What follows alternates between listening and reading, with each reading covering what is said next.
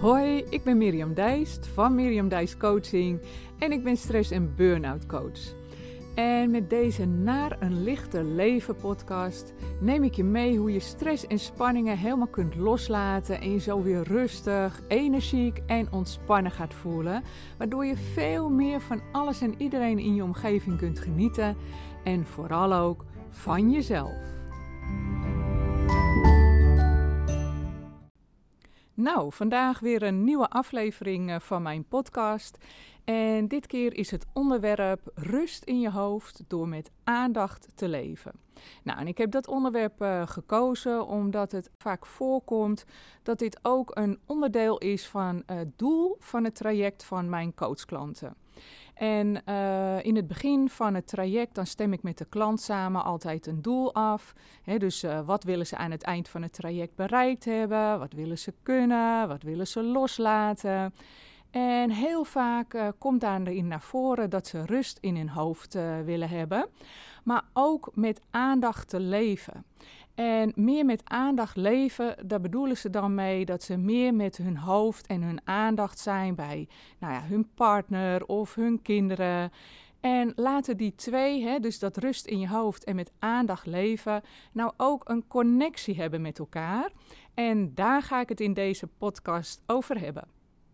Waarschijnlijk uh, ken je dat wel, hè? dat uh, nou, als iemand iets aan je vraagt, dat je een soort van automatisch antwoord geeft. En later dan denkt, oh, wat zei diegene precies? En er blijven wel wat woorden of wat kleine onderdelen van zo'n verhaal bij uh, hangen. Maar ja, eigenlijk ja, geef je automatisch antwoord of je knikt maar een beetje. Maar het echte verhaal, dat dringt niet tot je door.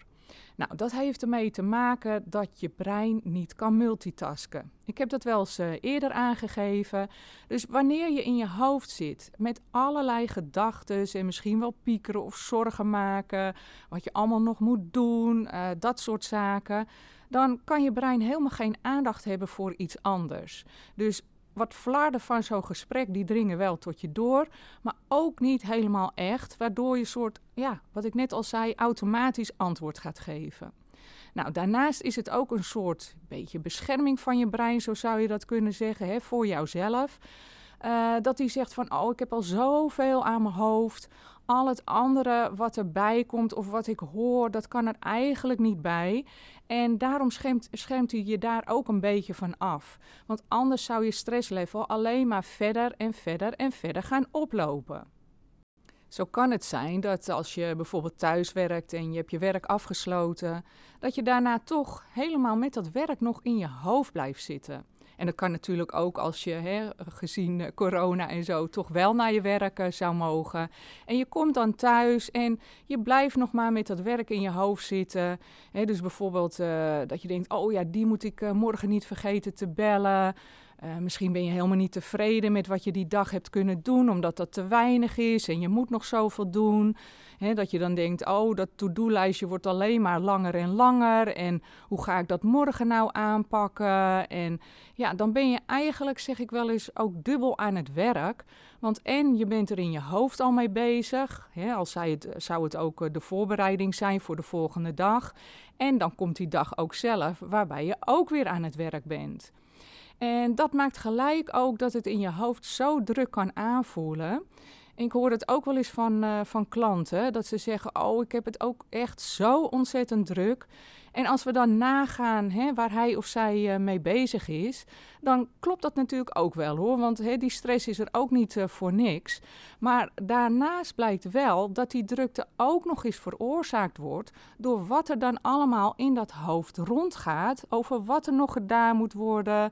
Uh, of, of wat er gedaan is en je daar misschien niet tevreden over bent. Of het anders had willen aanpakken. En dat veroorzaakt enorm veel druk. En dat met uh, aandacht leven, ja, dat gebruik ik zelf ook. Ik leer het uh, tenslotte mijn coachklanten hoe ze dat uh, kunnen doen. En ik gebruik dat ook, waardoor iedere keer als je echt met je aandacht ergens bij bent, je brein een soort ja, kleine reset krijgt, noem ik het altijd maar. En waardoor die ontspant en waardoor ook jij zelf ontspant. Maar dat het altijd nog vele malen beter kan dan dat ik het doe. En dat is natuurlijk ook altijd zo hoor. Hè? We hoeven niet naar het ultieme en het perfecte te streven. Maar dat was voor mij uh, heel mooi tijdens de retreat op, op Tenerife. Dat was begin november. En toen heb ik echt gemerkt, als je ja, vrijwel de hele dag met aandacht kan leven. En ze noemen dat ook wel echt in het nu leven we begonnen daar uh, met yoga en dan hadden we een ontbijtje en dan hadden we coaching. En smiddags was je dan een paar uurtjes vrij en dan had je s'avonds weer yoga. Maar tussendoor, uh, we hebben die week, uh, de hele week vegan gegeten en dat was voor mij toch wel iets onbekends. In ieder geval om dat een hele week te doen. En dat was met zoveel aandacht en liefde dat eten ook gemaakt, dat je het vanzelf ook met heel veel aandacht ging opeten. En dat had er ook mee te maken al hoe alles eruit zag, hoe netjes. Het was bijvoorbeeld ook weer afgetopt met een bloemetje. Ze vertelden ook hoe ze het bereid hadden. En dat maakte dat je bij iedere hap echt aan het proeven was. Oh, ik proef dit en oh, hierin proef ik dat.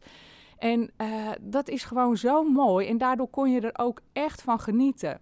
Dus als je met je aandacht erbij bent, kan je ook veel meer genieten.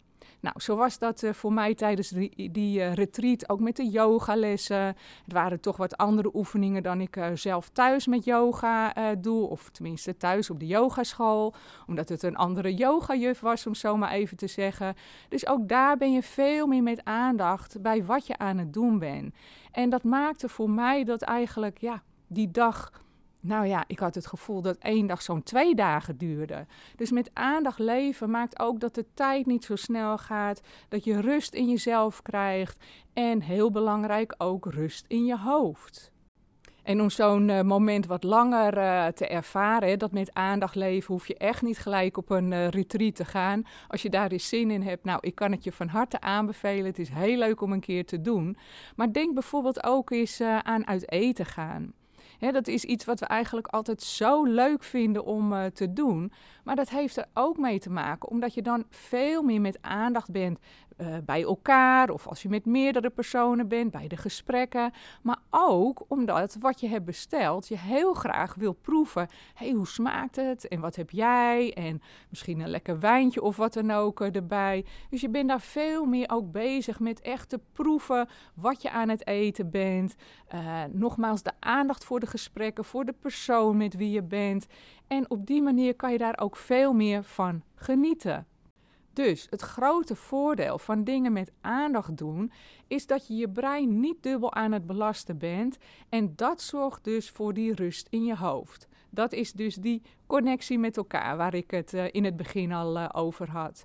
En nogmaals, ja, het stukje genieten is altijd wanneer je iets met aandacht doet. Hè? En met aandacht doen, dat kan je ook zien als dat je je zintuigen gebruikt. Dus je kijkt, je ruikt, je proeft, je voelt. En dat maakt uh, ja, dat je brein alleen maar daarop kan gaan richten. En natuurlijk, ik weet het, hè, als je dit hoort, betekent het niet gelijk dat jij dat ook op die manier kan doen. Uh, het klinkt misschien makkelijk, maar het is echt een van de moeilijkste dingen uh, die er is. Ze noemen dat ook wel een stukje uh, aandachttraining. Hè, want juist als je hoofd al zo druk is, dan kan je zelf niet meer tot nieuwe oplossingen of, of die activiteiten komen. Of je neemt het je voor om te doen, maar het lukt niet zo goed en dan stop je er maar weer mee ja, het is ook niet voor niks hè, dat mijn coachklanten hiermee uh, strukkelen en daardoor ook uh, hulp daarvoor uh, hebben gezocht. Zodat dat stresslevel ook echt weer kan dalen en je weer helemaal lekker ontspannen en energie kan voelen. Nou, mocht je mijn hulp daarvoor kunnen gebruiken of dat je interesse hebt in hoe kan dat dan zijn, hè, wat, wat zou ik jou kunnen bieden, kijk dan eens gewoon op mijn website en die is heel makkelijk te vinden via www.miriamdijscoaching.nl. Nou, ik zou zeggen, tot de volgende keer.